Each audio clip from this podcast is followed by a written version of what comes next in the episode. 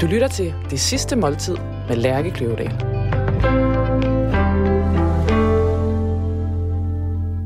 Velkommen til Det Sidste Måltid. Jeg hedder Lærke Kløvedal, og jeg er journalist og madanmelder på Politiken. Hver uge inviterer jeg en gæst til at spise deres sidste måltid sammen med mig. Gæsten har valgt en forret, en hovedret og en dessert, som udgør deres drøm om det sidste måltid. For inden har jeg skrevet gæstens nekrolog ud fra de artikler, der over årene er skrevet om gæsten. Undervejs i programmet læser jeg nekrologen op, og på den måde får vi forhåbentlig i fællesskab fundet frem til gæstens eftermæle. Ugens gæst er balletdanser og solodanser ved den kongelige ballet, Ida Pretorius. Ida har valgt øh, menuen, og til forret skal vi spise gravet laks med avocado, til hovedret pasta med svampe og trøffelolie, og til dessert pandekager med vaniljeis. Vi skal have et glas dessertvin, som vi stiller roligt ifølge Ida, drikker igennem hele måltidet, og vi skal slutte af med en espresso martini. Velkommen til solodanser Ida Patrolius' sidste måltid. Velkommen til, Ida. Tusind tak. Mens, øh, mens laksen kommer på bordet, Ej, men det ser jo så godt ud. hvad får vi, Alban? Ja, vi starter med gravet laks.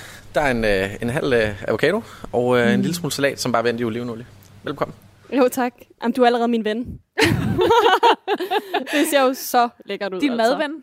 Min madven. Hvorfor skal vi have øh, laks og avocado, Ida? Det er egentlig bare, fordi jeg virkelig godt kan lide det. Ja. Altså, jeg kunne spise det her til frokost hver dag. Jeg kunne også spise det til aftensmad hver dag. Jeg kunne også lige sådan snakke en avocado bare med en ske, hvis det skulle være. Jeg synes, det simpelthen er så lækkert. Det er sådan en, øh, det, det smager altid godt, og fedtprocenten er så høj, at, man, at det smager af noget. Ja, lige ikke? præcis. Sandt. Og man føler, man spiser. Ja, men også, øh, altså, det, det, er ikke, det er ikke sådan en, øh, det er ikke noget, der forsvinder på et sekund. Det bliver boende lige et stykke tid, ikke? Jo. Men jeg kan også godt lide, når der ikke er sådan alt for meget mad. Altså sådan, ja. Jeg synes også, at det er lækkert, også fordi når jeg danser rigtig meget i løbet af en dag, så kan jeg ikke sætte mig ned og spise sådan pasta med kødsovs, eller en god altså boller i kaj. Og synes jeg, det er rart at spise sådan noget her, som giver mig noget energi, men også bare ikke fylder så meget rent fysisk. Nej, fordi altså, vi kan jo lige så godt øh, få det på bordet med det samme, Ida. Ja. Altså, dit spisemønster må være markant anderledes end, end, end resten af verdens. Altså, hvor mange Altså, måltider spiser du ikke. om dagen? Jeg ved ikke, om det er så radikalt anderledes. Okay. Altså, jeg tror, fordommen er, at jeg er meget kontrolleret og ved præcis det ene og det andet. Men for mig i en hård sæsonperiode handler det egentlig bare om at få kalorier nok. Og så spiser jeg selvfølgelig sundt, for at min energiniveau holder. Men altså, jeg spiser også sådan chokolade og drikker en masse kaffe. Og, altså, det er ikke... Men du siger, at de, de store måltider spiser du af gode grunde ikke særlig mange af i løbet af en dag. Ja, jeg prøver at fordele det lidt ud, ja. så jeg spiser mindre måltider. Altså, jeg spiser altid en stor portion havregryn til morgenmad, med mælk og banan og rosiner. For det er der Øhm, god energi i. Ja, der og så nogle tror jeg, jeg er vokset op med det. Altså, det er sådan noget, jeg har fået, siden jeg var barn.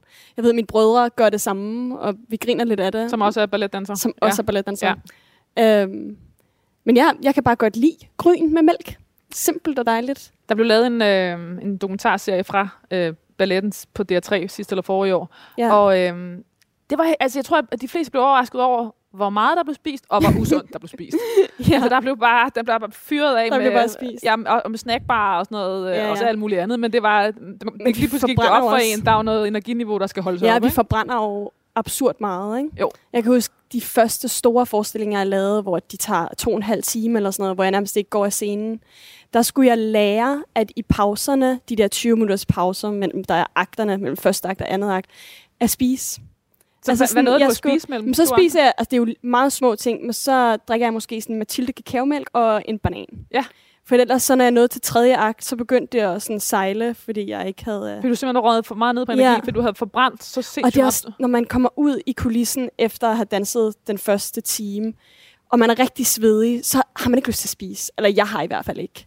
Øhm, ligesom hvis man har løbet en lang tur og er helt smadret, så har man ikke lyst til at sætte sig ned og spise lige med Men det er vel også, fordi adrenalin øh, gør jo ja, også... og der er man slet ikke, altså, man er slet ikke i et sted, hvor man har lyst til at sætte sig ned og spise. Men hvorfor snakker vi så meget om det der med mad i forhold til øh, balletdanser? Fordi, altså jeg mener, øh, øh, du er jo eliteudøver, Ja. og, og det er der jo ikke mange, men dog øh, øh, andre sportsgrene, Ja, ja, hvor man ligesom oplever det samme. Der snakker vi aldrig så meget om det der med maden. Nej, men det er jo fordi, der er, vi har lidt en æstetik i ballet, hvor ja. man gerne vil være lang og slank og altså tynd, men trænet. Øhm, og så tror jeg bare, at fordommen er, når du ser piger og også mænd ser sådan ud på en scene, så er det nok, fordi de har en spiseforstyrrelse. Altså, men vi bliver jo også altså, lidt castet efter, at man har lidt sådan en kropstype, og vi træner jo så utrolig meget, og passer på vores kroppe. Har I, øh, har I diætister på øh, balletten? Ja, det, vi har faktisk nogen, man kan, altså en, der er tilknyttet, du kan ringe til. Nå, men jeg mener mere, altså for eksempel, når man ser de professionelle fodboldspillere, det er jo noget, Ja. der er sket over for de, inden for de sidste 5, 7, 10 år, at, at altså, så bliver der jo lavet mad specifikt efter blodtyper, og Ja. altså, øhm, Altså, så fancy er vi ikke. Nej. Altså, jeg tror, at det, er- man styrer det selv, og hvis du så har behov for hjælp, så er det der. ja, jeg talte engang med øh, landsholdets kok. Ja, Han var fuldstændig altså specifik på, hvad hvem måtte få hvornår i forhold til en kamp, og før og efter. og Det gik overhovedet ikke med Ja. ja. kiwi, og før det og det tidspunkt, og pasta var først noget. Altså, du ved, det var, ja. Det var bare meget skemalagt. jeg tror, jeg vil blive sindssyg, hvis det var sådan. Altså, jeg tror, at det er sådan... Jeg er jo mit eget instrument. Jeg er jo både altså sådan, kunstner, danser, elitesportsudøver, skuespiller, og jeg tror ikke, at jeg vil kunne... Jamen, jeg tror, jeg vil blive sindssyg, hvis der er nogen, der kontrollerede det. Altså, mit liv er kontrolleret nok i forvejen, alt efter, hvordan mit schema er. Øhm, og det er også, jeg er jo også menneske. Altså, Så hvis der er nogen, der også sagde, øh, du kan glemme den kakaomælk nu, ja. så ville det ligesom være låget, der fik det til at... ja. Jeg tror faktisk, det er mere, Ida, du skal lige drikke den her kakaomælk, Ja. fordi det er ikke altid, man lige har Er der forskel på, øh, på mænd og kvinder på den måde i balletten? Altså med dine brødre, har, er der samme, øh, spiser de samme, hvad vil jeg sige? Altså, de spiser mere end mig, ja. naturligt ja. nok. Men jeg, jeg tror bare, at der er lidt, altså det er det der stereotype, lidt sådan fordomsfulde med, at ballerinaer har anoreksi eller sådan noget. Hvor at, der tror jeg, at drengene måske er lidt mere cool og lidt mere ligeglade. Lad os øh, sætte øh, gaften i den her... Øh, Det ser jo så godt ud. så er der altså også noget med laks og avocado. Det er utroligt pænt. Det er, ligesom, det er, Det er også, det er også bare smukt. pæne øh, farver sammen. Ja. Ja. Og så med lidt salat. Og så, sådan to blade. ja, præcis. øhm, så du er den eneste øh, gæst, jeg har haft, der har bestilt øh, dessertvin til, til, til, igennem et helt måltid. ja, det var også fedt, ikke? Øhm, det kommer af, at jeg, altså, jeg er ret sådan svag drikker, egentlig. Så hvis jeg først sad og få, fik et glas vin til hver ret, så ville jeg være stiv, inden øh, vi var færdige med det interview. Så vil du sejle herfra. Ja, det vil jeg. Du har været på teateret siden du var 6-7 år. Jeg er syv år.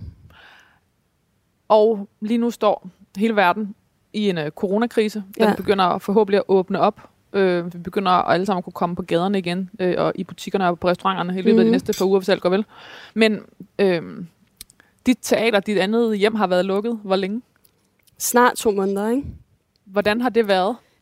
Øhm, det har været ret vildt, faktisk.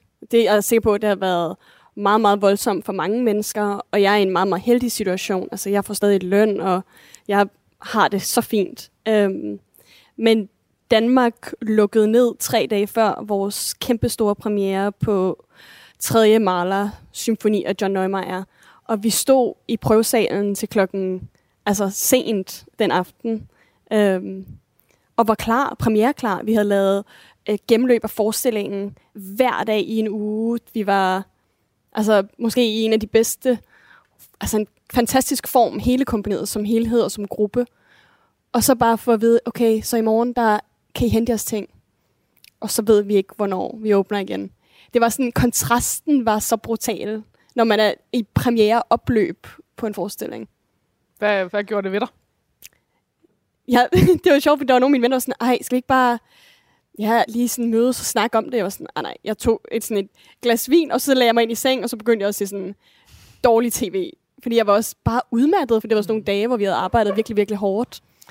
Um, men nu er det mærkeligt, fordi jeg har ikke danset i snart to måneder, og det har jeg ikke gjort, siden jeg måske var 10.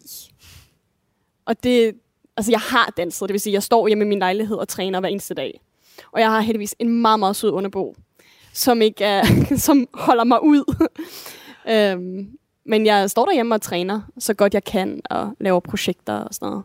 Og hvordan, altså jeg, jeg forestiller mig, og du nævner også selv, at, øh, at, at, at rammerne jo altid fyldt enormt meget, Ja. og nu er de der ikke. Hvordan er det? Jeg troede faktisk, jeg ville være i mere panik over det, end jeg har været. Jeg har faktisk haft det overraskende godt. Jeg tror, at den her sådan... Øh, Altså, at blive tvunget til at tage det roligt, har, øhm, det har gjort mig godt. Altså, det har det. Og jeg har også nyttet det. Jeg tror, det er som om, der er noget mentalt rart i at vide, at hele verden er i samme situation. Der er ikke noget, jeg går glip af, eller... Øhm, ja, men det har også været mærkeligt. Men man siger jo også lidt sådan i grove træk, at hvis du er skadet og er væk fra dans i en periode, så tager det dobbelt så lang tid at komme tilbage, som du har været væk. Øhm, og jeg har selvfølgelig ikke været skadet i den her periode, så for mig har jeg jo stadig kunne holde mig i form, og jeg løber, og jeg laver ballettræning, og jeg laver pilates og yoga, og så jeg laver et hav af ting. Men det bliver interessant at se, hvordan det bliver, når jeg er tilbage på scenen igen på et tidspunkt. Ja. Hvordan er, har I reageret forskelligt øh, i dit, hvad, hvad, hvad kalder du det, kompani, korps? Ja, Kompagni. kombineret. Øhm, ja, altså vi får sådan nogle øh, mødeindkaldelser fem gange om dagen til workouts, vi skal lave og arbejde derhjemmefra og sådan noget. Og jeg er sikker på, at der er nogen, der laver mere end mig, og jeg er sikker på, at der også er nogen, der laver mindre end mig. Øhm, ja, jeg må Men- sige, altså, Men der er ikke, der er ikke, der er ikke nogen, der ligesom er, er løbet skrigende. skrigende bort. Nej, jeg tror bare, vi er jo alle sammen i den her situation, og man kan jo ikke rigtig gøre noget ved det. Men jeg må også sige, jeg kan også mærke, at jeg savner den der sådan, øh, intense måde at arbejde på, og den der tilstedeværelse, man har på scenen med et publikum. Altså, at være, jeg er jo vant til at være omgivet af så mange mennesker hele tiden. Så jeg har en masse, masse kollegaer, jeg arbejder tæt sammen med. Øh, men også det der med et publikum, og den energi, der er til en forestilling. her. hvis der er 1200 publikummer i salen, og så har du hele det kongelige kapel, hele teknikken, altså hele sceneteknikken, kostumerer alle danserne. Det er jo et kæmpe hold af mennesker, der er samlet. Um, og jeg kan mærke, at jeg savner dem. Og jeg savner den energi, der er, og som man giver til hinanden. Jeg øh, begynder på din nekrolog. Uha, det er faktisk grænseoverskridende, synes jeg. Er det det? Ja, det ved jeg ikke. Jeg, har, jeg håber da ikke, at jeg skal dø i morgen i hvert fald. det, det håber jeg virkelig heller ikke. Ida, jeg har tre overskrifter til dig, Mm. som jeg vil høre, hvad du synes om. Ja. Den ene hedder Den perfekte balletkarriere. Den næste hedder Ida Pretorius' lige vej til stjernerne. Og den sidste hedder Ida Pretorius var den perfekte balletdanser. Huh. Det er flotte titler alle sammen. Jeg tror ikke, jeg var den perfekte balletdanser. Fordi det der, jeg har lidt svært ved det der med, når ting skal være perfekt. Også fordi der i ballettens verden er så mange sådan idealer og ja, målsætninger. Og så det der med at være perfekt, når du er kunstner, så tror jeg ikke på, at man skal være perfekt for at være rigtig god. Så det vil jeg helst ikke være. Øhm, Og tænker, altså jeg, jeg, jeg sad og tænkte over, jeg, jeg kunne komme i tanke om andre øh, jobs, stillinger, øh, hvor du både skal have så vild en fysik, og hvor du er kunstner samtidig. Altså det er elitesport plus Ja. Og, og tænker du det som, er, er, det, er det retmæssigt at sige, at det er simpelthen en ren blanding af de to genrer, elitesportsudøver og kunstner? Eller føler du dig mere eller mindre som det ene eller det andet, eller skifter det? Eller, eller Jeg, det, altså, det er ret interessant egentlig, fordi jeg synes, selvfølgelig, jeg kan ikke være den kunstner, jeg er, hvis ikke jeg har det sportslige element.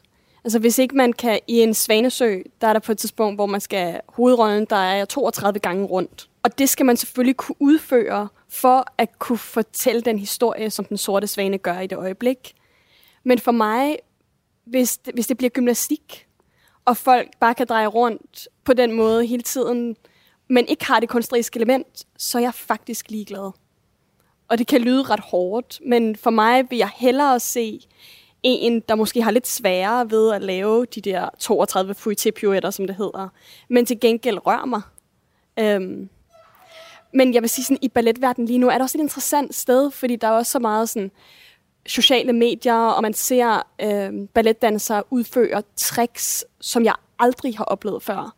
Og det er dybt imponerende, og jeg kan slet ikke leve op til nogle af de ting, jeg ser på nogen måde. Men jeg synes, det er synd, hvis det er det, der kommer til at overtage. Mm altså hvis teknikken overtager Altså, jeg vil aldrig, jeg elsker mange pirouetter. Jeg elsker de høje spring. Jeg elsker, når folk kan holde balancer og løfte deres ben bag deres nakker og sådan noget. Jeg elsker det. Men hvis du ikke har det kunstneriske element med, så er jeg ikke lige så interesseret i at kigge på det. Og grunden til, at jeg tror, at jeg ligesom på en eller anden måde har taget de her overskrifter med, det, det er jo noget med, at der er jo også nogen, der ikke kan blive balletdanserinder. Eller, Hvad, hvad for Ja. ord skal jeg bruge for det, for det, det rigtige? Ballerina er, øh, altså, Altså, du er sige, solodanser, det- som er det øverste Ja. på, øh, I, på, ja, på vi har ligesom, ja. Vi har balletkompaniet bygget, bygget op på den måde. Du har nogle aspiranter, der er ligesom sådan nogle lærlinger, så har du korpset, som er den store gruppe, som ligesom er koret.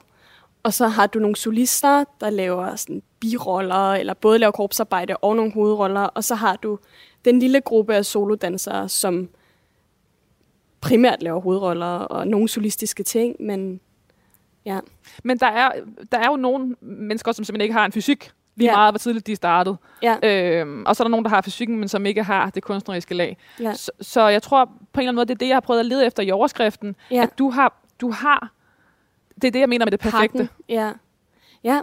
Jeg tror også, der er, det som du siger, at der er den fysikken, så man bliver, selvfølgelig bliver, man bliver screenet som barn. Ikke? Altså, de prøver at finde dem, der har den krop, der kan klare det fysiske pres. Øhm, Og det handler både noget om øh, højde og drøjde, noget Ja. med, hvordan... hvordan hofterne kan rotere ja. ud, og hvordan dine fødder kan strække. Øhm, men det er meget sjældent, at man finder den perfekte balletkrop.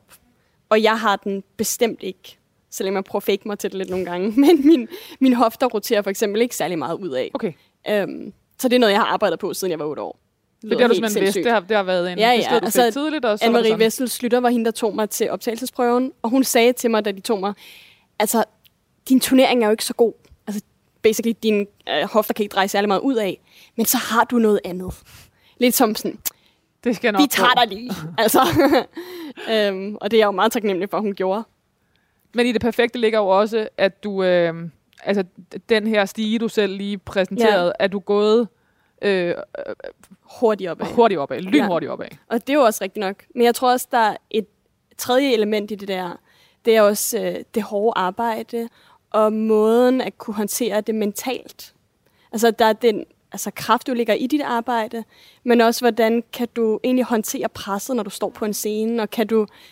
Ja, fordi det, det mentale aspekt har for mig nok været det sværeste også.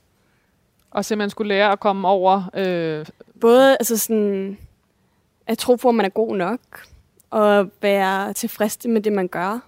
Altså jeg sagde også som barn, var jeg ret perfektionistisk, når det kom til min dans. Men det slog mig også lidt ud nogle gange. Og det, øh, det ville jeg ønske, jeg havde lært tidligere. Men det har selvfølgelig også hjulpet mig på vejen, sådan, så jeg er blevet ved med at øve mig, indtil at ting fungerede. Øh, for eksempel. men kan man lære det tidligere? Fordi det er vel også... Det er vel lige præcis de tredje sten, der hele tiden skal følges ad. Ja. At fysikken skal... Og jeg fik heldigvis meget hjælp allerede, da jeg var i skolen. De fik sådan en uh, sportscoach på mig, som talte med mig om... Jeg fik mig for eksempel til at skrive ned tre gode ting, jeg havde gjort efter en balletteam.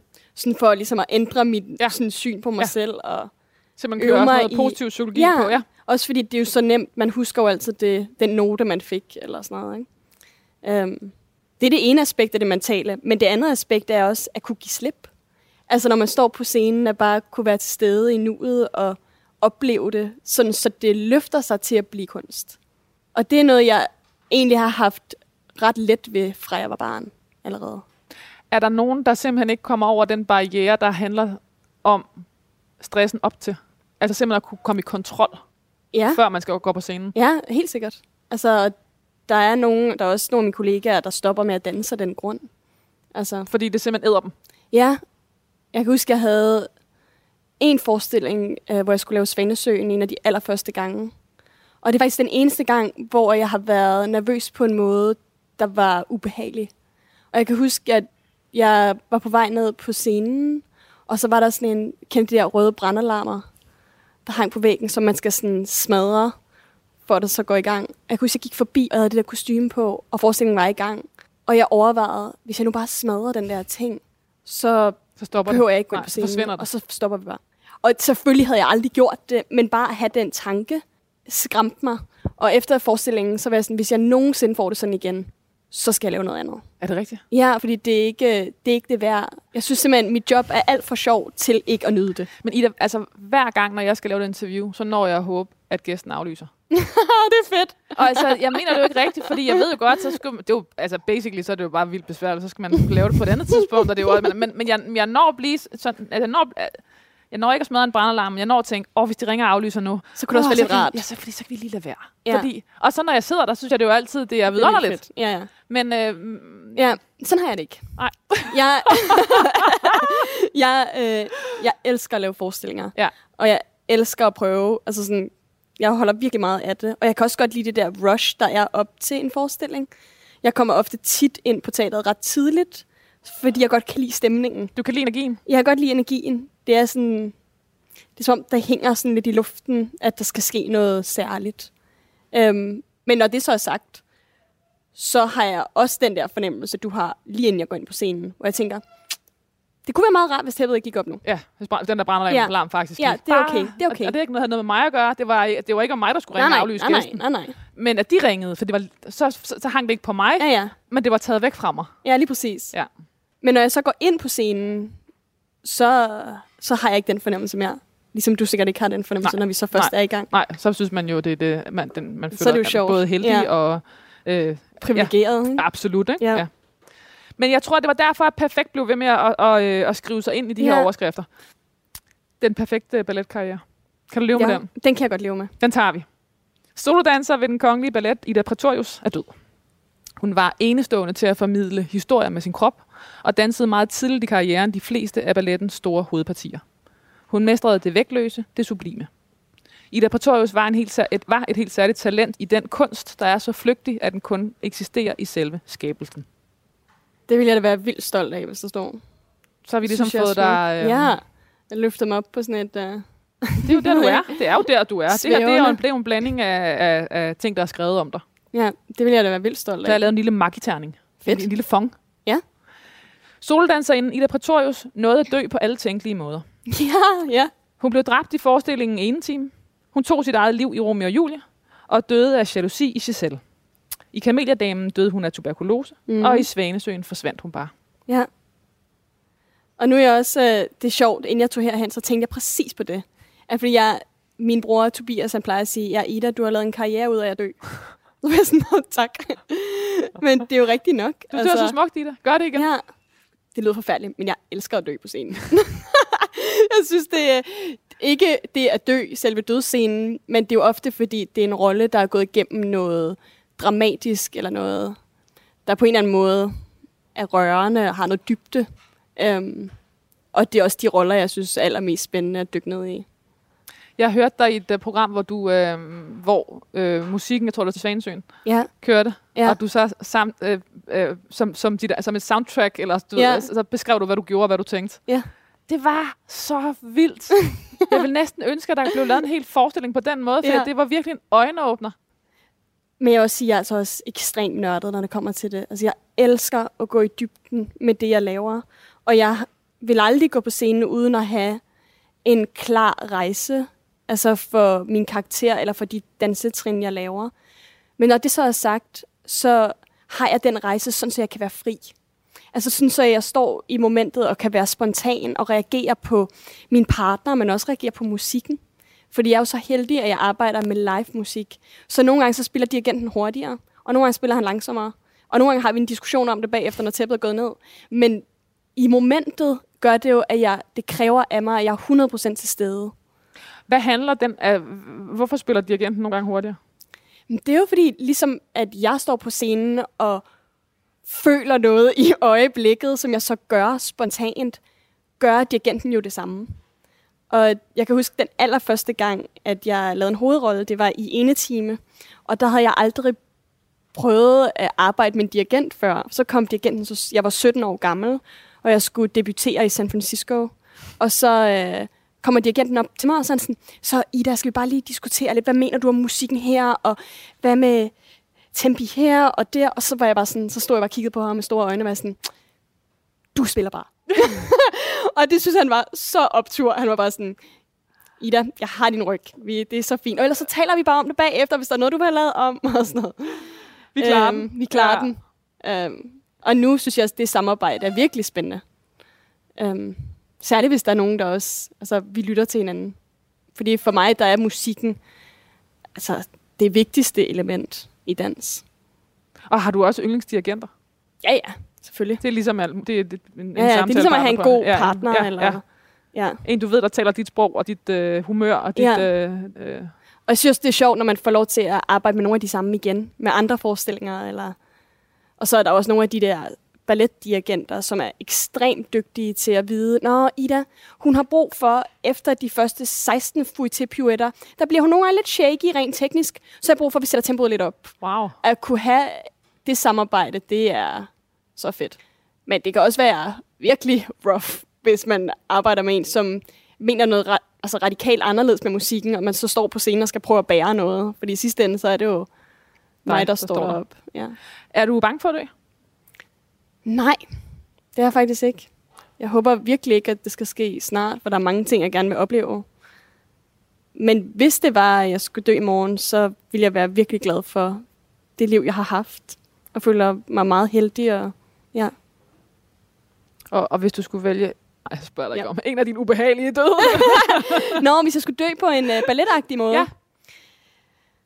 Åh, oh, der er mange... Der, faktisk, der, der været nogle fede dødsscener, altså, i jeg har en lavet. time bliver du slået ihjel, ikke? Ja, det vil jeg helst undgå. Ja, trods alt. Øhm, den der tuberkulose, den vil jeg altså også gerne undgå. Den der sådan langsom død, kameledame går igennem. Og, sådan, og, og ydmygende. Ja, Man mister sin værdighed undervejs ja, i tuberkulose. Ja, jeg elsker den forestilling. Men den er også, altså, den river også sjælen ud af mig imens, ikke? Øhm, så sådan vil jeg helst ikke dø. Den er ude. Giselle er kærlighed. Det er der jo noget ret sådan, smukt ved, og det samme i Romeo og Julie. Jeg har ikke lyst til at begå selvmord, men der er noget smukt ved, at det er fordi, at det er en, hun elsker. Øhm, måske sylfiden, der taber sine vinger, fordi at hendes elskede egentlig vil hende det godt, og holder om hende med et tørklæde. Også fordi hun dør lidt hurtigt, og så flyver hun væk. Sådan. Så måske det er den, Ja. jeg vælger. Den er valgt den hurtigste, den mest effektive og yndigste. Ja. Ida Pretorius startede med at danse ballet som treårig og voksede op på det kongelige teater med alt, hvad dertil hører af te- teatermagi, eventyr og forventningspres. Hun blev født i 1993 og voksede op i Vium med en far, der var økonom, og en mor, der selv var tidligere balletdanser, men som 25-årig havde droppet balletten og efterfølgende havde uddannet sig til læge. Mm. Det er ret vildt at have haft. Din mor har balletdanser, og dine Ja. to brødre er balletdansere Ja. nu. Øh, og, og at din, din mor startede som 15-årig Ja. med at danse ballet, som er helt uhørt Ja. sent, ikke? alt for sent. Men hun, ja, hun er meget inspirerende, min mor. Hun, har været, hun er altid meget sådan, hvis der er noget, hun gerne vil, så gør hun det. Og hun har skiftet karriere er det sådan så mange ballet? gange. Altså, jeg mener, alt muligt andet kan man tage en uddannelse. Man kan gøre alt muligt, men, men Nej, jeg, altså, jeg, for at være helt ærlig, så ved jeg ikke, hvordan hun gjorde det. altså, du det er har jo, simpelthen øh, så du har imponerende. levet hende. Hun, st- hun startede som 15-årig og stoppede som 25-årig, og du ja. er 27, 26 nu. Ja. Det, jeg ville være ked af først at være startet, da jeg var 15. Ja. Fordi jeg synes, at den barndom, jeg havde på den der eventyrsfabrik, som jeg kalder det, jeg havde det så sjovt. Og jeg tror, der er mange, der er sådan hen, åh, det er meget sådan disciplineret at være balletbarn og et eller andet. Men det passede mig godt, det der med at træne meget og øve mig på noget. Og så den der teatermagi at vokse op i den, det er jeg så glad for, og det ville jeg virkelig ikke have været for uden. Og prøv at beskrive den. Hvad, hvad er teatermagien? Altså for mig er det for eksempel bare at gå rundt på det kongelige teater, og så i, særligt som barn at kunne se ind på skræddersalen, og så se de her fantastisk dygtige skrædder sidde og sy kostymer, som for mig blev magi. Eller stå nede på scenen, og så sner det. Tænk, at man kan, kan vælge, at nu skal det sne, eller at man kan komme op gennem gulvet, eller at man kan flyve. Altså den der sådan, uh, Og ja, eventyrverden. Ja. Tror du, at øh, du var blevet, hvis du ikke var endt som solodanser? Ja. Var jeg blevet i faget? Ja. Det er et godt spørgsmål. Jeg ved ikke, om jeg var blevet ved lige så længe, for at være helt ærlig. Fordi jeg, jeg synes, det jeg synes er sjovt ved det, det er jo også de store roller. For at være helt ærlig. Og jeg, så jeg ved ikke, om jeg ville have haft samme drive og motivation, hvis jeg ikke fik lov til at lave dem. Men det er også svært at sige, ikke? Fordi jeg fik lov til det fra jeg var 17 år. Så jeg, selvfølgelig har jeg stået i korpset, og jeg har virkelig også lavet robotsarbejdet. Men jeg gjorde det ligesom samtidig med, at jeg fik lov til at lave de store ting. Ida Pretorius gik i 0. og 1. klasse på Vium skole, hvorefter hun startede på balletskolen. Hun havde to brødre, Tobias og Lukas, mm. der begge dansede ved det kongelige ballet. Der har aldrig tidligere været øh, i den kongelige ballets øh, flere hundrede år i historie været en søskendeflok på tre samtidig. Der var et stort sammenhold og en betingelsesløs støtte i familien, og Ida Pretorius har beskrevet sine to brødre som sine nærmeste venner. Ja, mm, det er heller ikke forkert. Jeg har også mange andre vidunderlige venner, men de, øh, vi har været meget tætte lige fra vi voksede op. Øhm, og det tror jeg også, vi ville være, selvom vi lavede en masse forskellige ting og ikke havde det samme arbejde. Men selvfølgelig er der noget i det der med, at man deler nogle meget store oplevelser på tæt hold, som betyder noget. Ja. Og et know-how, som de ja. meget få vel kan rigtigt forholde sig til. Ja. En træthed og en glæde og en... Uh... Ja, og rent faktisk sådan, ja, bare vide, hvad det er, man reelt går igennem. Ikke? Hun fik sin aspirantkontrakt med kompaniet samtidig med, at de fleste andre fortsatte i gymnasiet. Ja. Og Ida Pretorius gjorde lynkarriere ved den kongelige ballet. Hun ja. blev ansat som aspirant, da hun var 16 år, flyttede hjemmefra som 17-årig, mm. og skulle ud på scenen og levere i vigtige roller og rejse verden rundt uden farmor. Det er rigtigt. Jeg, jeg, har ikke, øh, jeg har ikke haft den der sådan, gymnasietid, som mange af mine venner og sådan noget har. Og jeg kan huske, der var mange af mine venner på det tidspunkt, der var sådan, ej, du går glip af noget og sådan noget. Men jeg synes jo bare, at jeg har oplevet så meget andet. Øh, og på det tidspunkt, der var jeg slet ikke i tvivl om, at jeg gerne ville være balletdanser. Altså jeg kan, har så klart billede af, da jeg var 15 år, og var sådan, hvis jeg ikke får tilbudt en plads som aspirant i Danmark, så rejser jeg bare ud i verden og finder et andet kompagni. Hvad tror du, det, når dine venner sagde, at de synes, du gik glip af noget, øh, hvad, hvad tror du, de synes, det var? Det var jo sådan noget med at være til fest torsdag, fredag, lørdag, og sådan leve livet, og møde en masse nye mennesker, og sådan noget.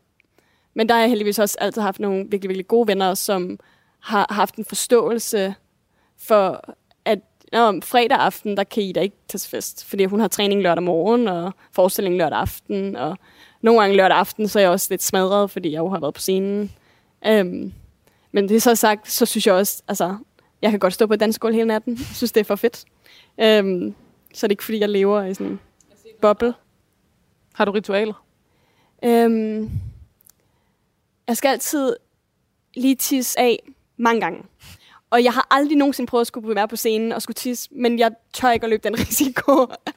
øhm, så har jeg sådan noget med, at jeg er ret sådan... øh, nazi omkring mine sko. Altså de tørsko, jeg skal have på på scenen om aftenen. Øhm, jeg skal vide, hvad jeg har, og jeg skal vide, hvad jeg har til hvilket akt også. Nogle gange har jeg jo forskellige sko på i første akt og andet akt.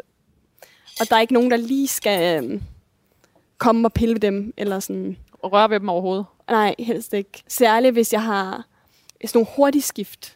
For eksempel i Kameliedamen, så har jeg jo 13 kostymer på på en aften.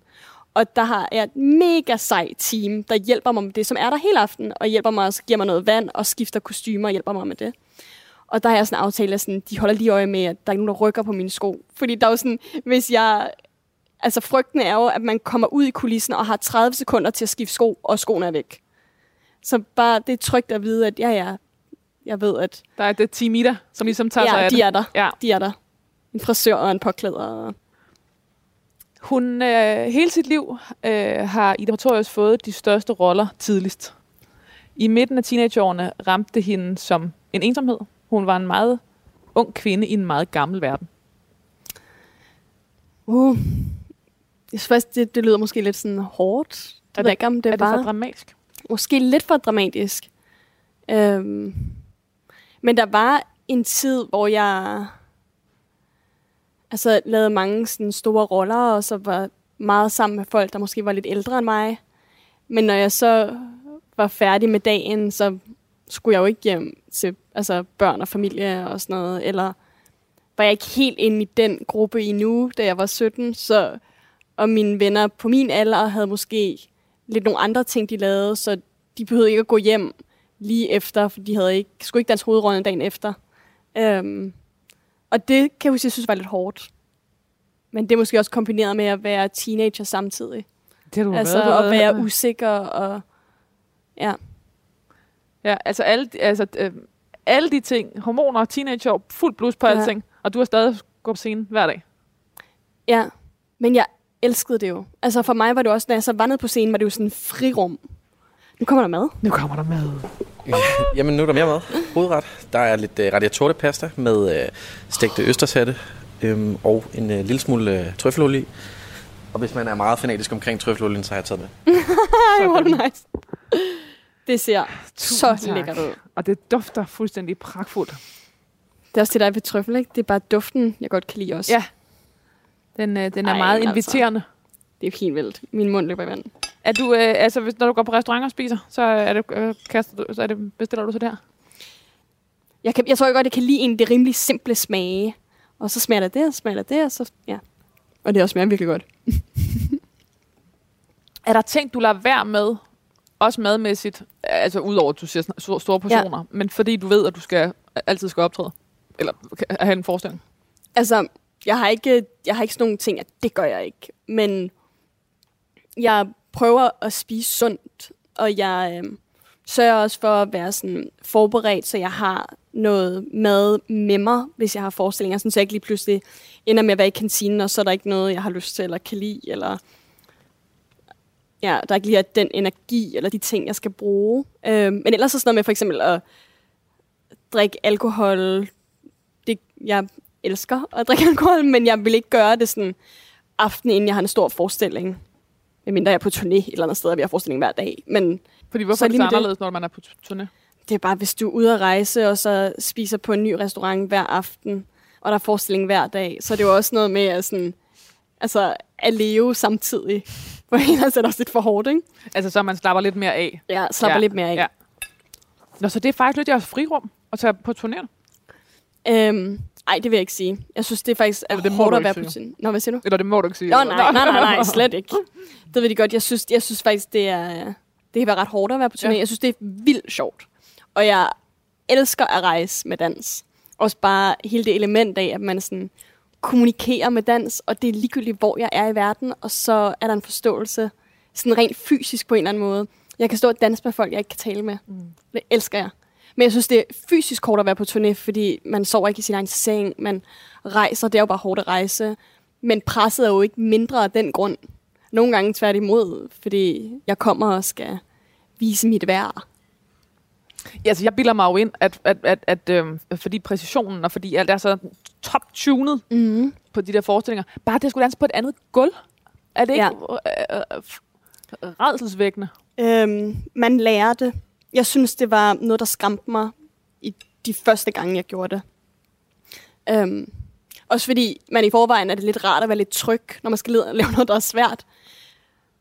Men der må man altså bare bide de sure æbler og sige, det er sådan her, det er. Jeg kan ikke lave det om. Og så kan man forberede sig ved at tage noget harpix med, for at min sko klister lidt mere, hvis gulvet er glat. Eller noget, jeg synes er svært, det er at danse på en skråscene.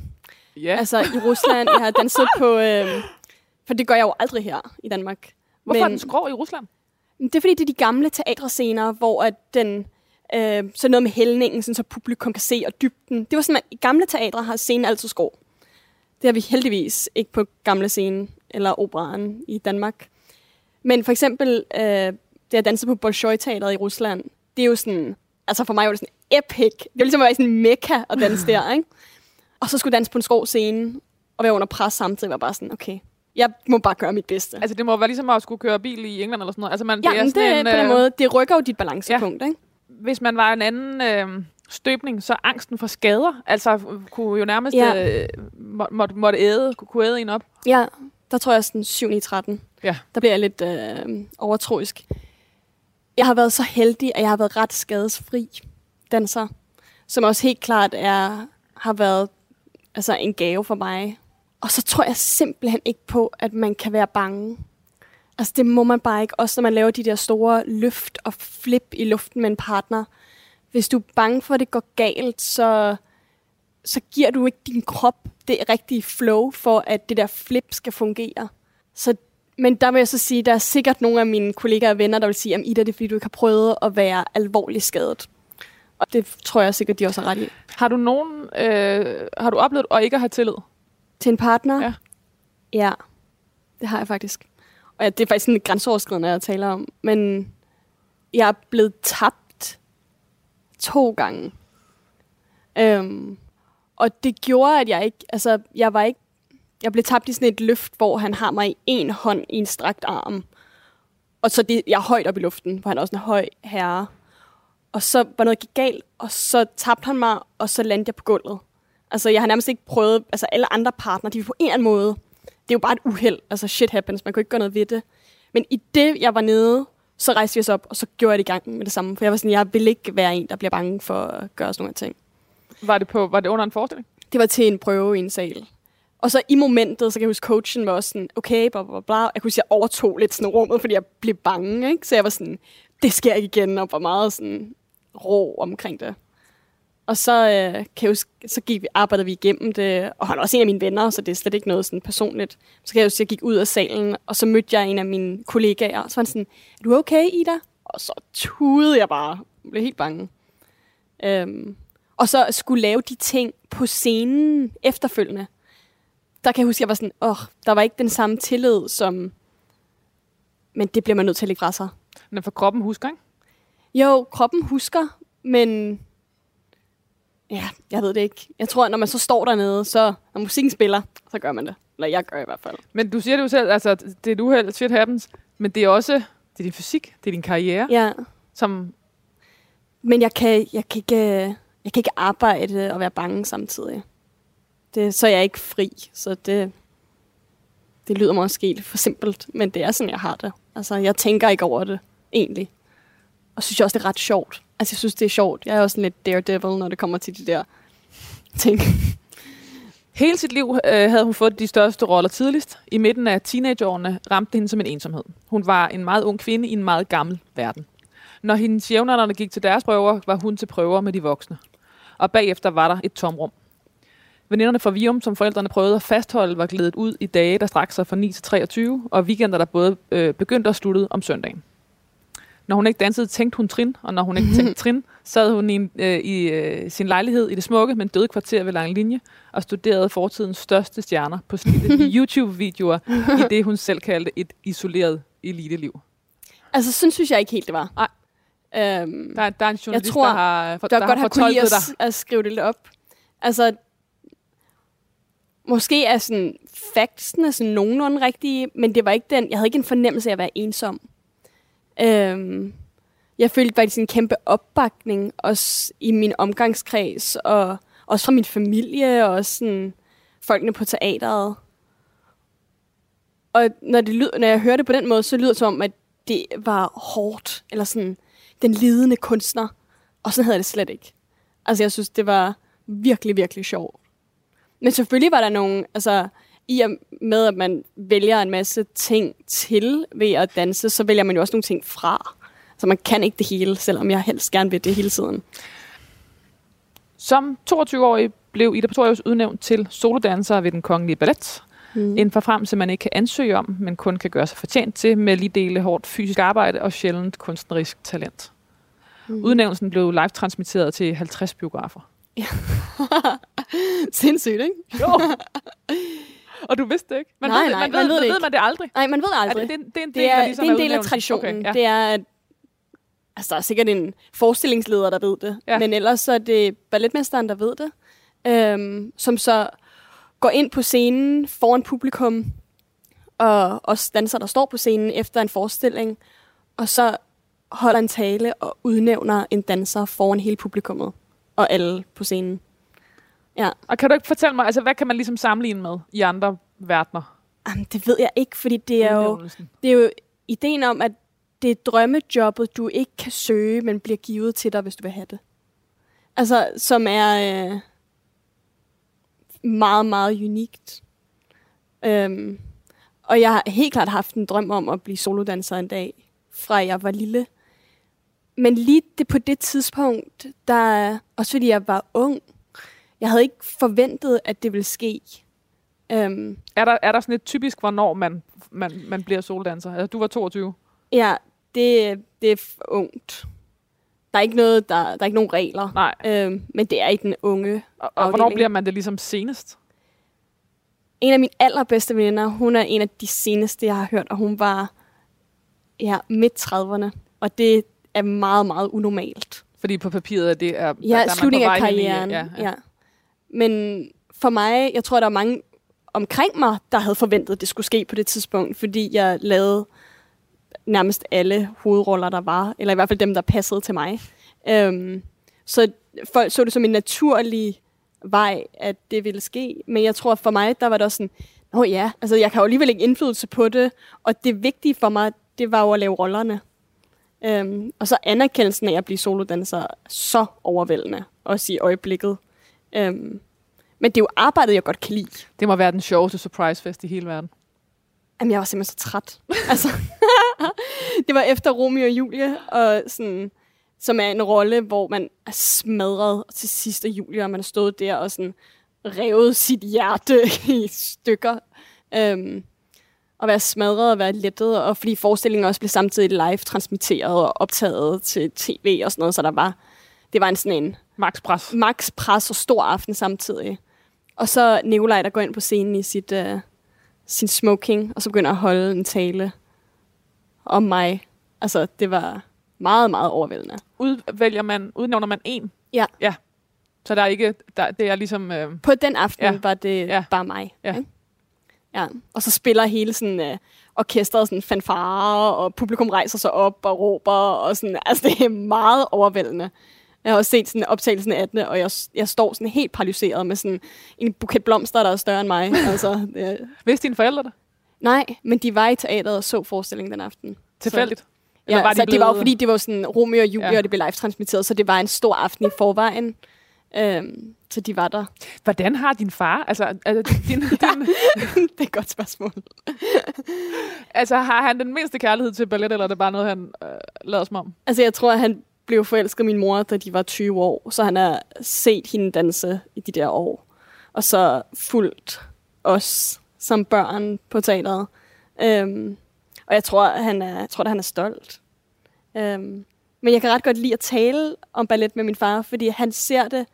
Han er jo så altså, veluddannet nu, efter at have set så meget. Kører en kone og tre Ja, børn han igennem. kører dem bare. Øh, ja. Øhm, men jeg kan godt lide at tale med ham om de forestillinger, jeg laver, fordi jeg får et meget ærligt billede på, hvad han ser.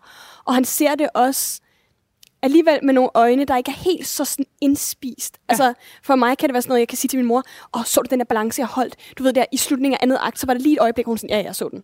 Hvor min far sådan, da du lavede det der i første akt på et eller andet tidspunkt, der rørte det mig. Ja. Altså, og at kunne få høre det, det betyder sindssygt meget for mig. Så det er en ren følelse, han ligesom kan reagere på der. Ja, og han ser det alligevel med nogle øjne, som ikke selv har danset. Som er de øjne, de fleste publikum ser det med. Og som måske egentlig er de vigtigste. Ida Pretorius fik en røgmer for årets talent og var nomineret til to andre. Øh, hun blev udnævnt til ridder af Dannebroorden. Ja, jeg har faktisk også vundet en røgmert nu. Har du fundet en røgmer nu? ja, altså øh, det er for et, snart et år siden. Ej, altså. Åh. Åh. Jamen, så vi er kommet til sidste indslag. Det er pandekager med vaniljeis. Og øh, lige om lidt, så kommer der en øh, espresso martini også. Ej, så lækkert. Tusind tak. Ida, den ultimative børnedessert. Ja, jeg elsker det. jeg tror, med, der er nogle ting, da jeg var et barn. Og jeg synes, det er så lækkert. Og der er ikke noget lækre, end når man laver nogle hjemmelavede pandekager, og så is. Ja, det er bare, hvis jeg kunne vælge, så skulle jeg spise det her hver dag. Så skulle du sidde på din, øh, i dit køkken og spise det her til det, om aftenen, ja. I stedet for havre, i, i stedet for gryn, som I jeg har for lært gryn. mig, det hedder på, på, i På- balletten. På, ja, gryn. Øhm, ja, det vil jeg, helt klart. Der skulle stå en, Men jeg, synes, tror du alligevel, så vil jeg få lidt dårlig samvittighed, hvis jeg spiste det her hver aften. Vil du det? i stedet for havregryn. Og så er der også bare noget med, at havregryn er så nemt, ikke? Her har man en skål, og så hælder man gryn op, og så noget mælk ovenpå, og så er der mad. Intet går hurtigt. På, Man, altså, man har simpelthen Sekunder. fuldt sekundet, bare, bare man har købt med. og jeg er jo ofte sulten, Ja. når jeg kommer hjem. Grundsulten. At skulle stå og lave pandekager, jeg er heller ikke særlig tålmodig. Altså, så det er fedt, der er nogle andre, der laver dem til en. Det må du få ind i dit liv. Du må få ja. Et menneske ind, der kan stå og lave Pandekager. pandekager med is til dig. Altså, sig mig lige her. Jeg siger, Ida Pretorius fik en røgmert for årets talent. Det gjorde jeg. Og for... Så, så jeg fik en røgmert som årets talent, ikke? Ja. Derfra jeg lavede, for jeg lavede ene time. Så var jeg nomineret som årets danser for Romeo og Julie. Og så har jeg været nomineret for årets danser øh, for Spardame. Så har jeg været nomineret som årets kvindelige hovedrolle for Julie igen. Og så har jeg vundet en røgmert som årets danser for øhm, Askepot. Så du har to røgmåtter derhjemme? Ja. Og så har du, øh, og så er du udnævnt til ridder af Dannebrogorden. Ja. Hvad betyder det for dig? Ej, men det, det betød faktisk noget. Ja. Øhm, jeg, jeg fik en, øh, en e-mail af Kasper Holten, hvor der står, Kære Ida. Ida, du rider den. Sådan, det læser jeg lige igen. øhm, Hvad får man den for? øhm, fordi man har gjort noget særligt for sit land. Og det synes jeg er lidt sejt at have gjort, når man er 26. Det er ret sejt gjort, når man er Øhm, 26.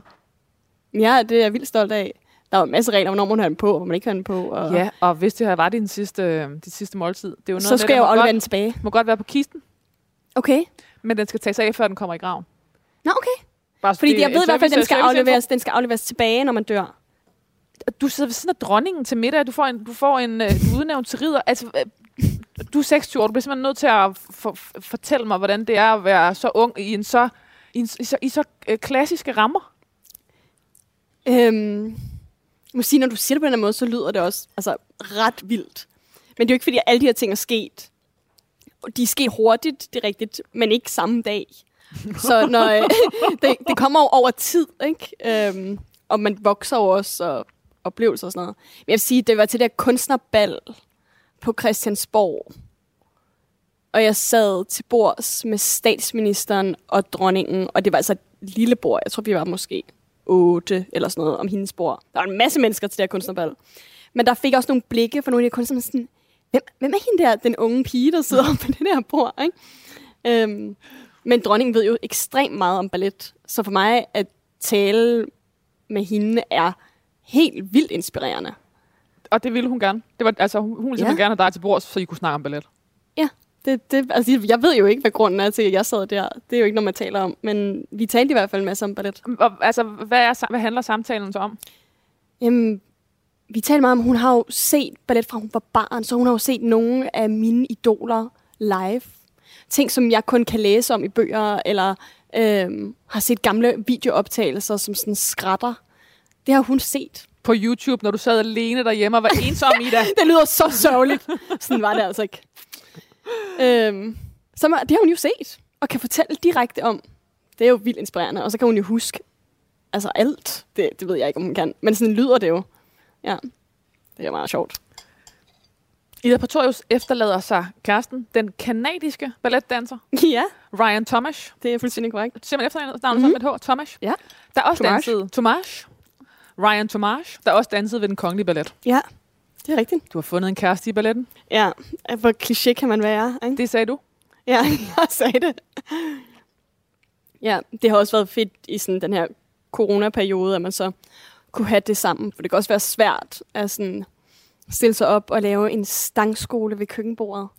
altså, jeg siger jer, det, det, har, det har været nogle sindssyge situationer, og et potteplant, jeg var ved at vælte, og altså, ja, At der ligesom er en forståelse at for... der er en forståelse, Ja. og også den der sådan, ikke fordømmelse, altså sådan, ja ja, det gør du bare. Altså jeg dømmer dig ikke over, at du gerne vil spise havgryn og står og svinger benene og ødelægger potteplanterne, fordi vi skal træne. Det er rart. Og så alligevel også at være sammen med en, hvor det er sådan, det er okay, vi ikke træner i dag. Ja, det er okay. Altså, så man har lidt hinandens ryg. Sådan, ja, ja, du behøver ikke træne. Nej, du behøver heller ikke træne. Nå, det er godt. Man kan sk- skulle sammen. ja, lige præcis. Æret være hendes minde.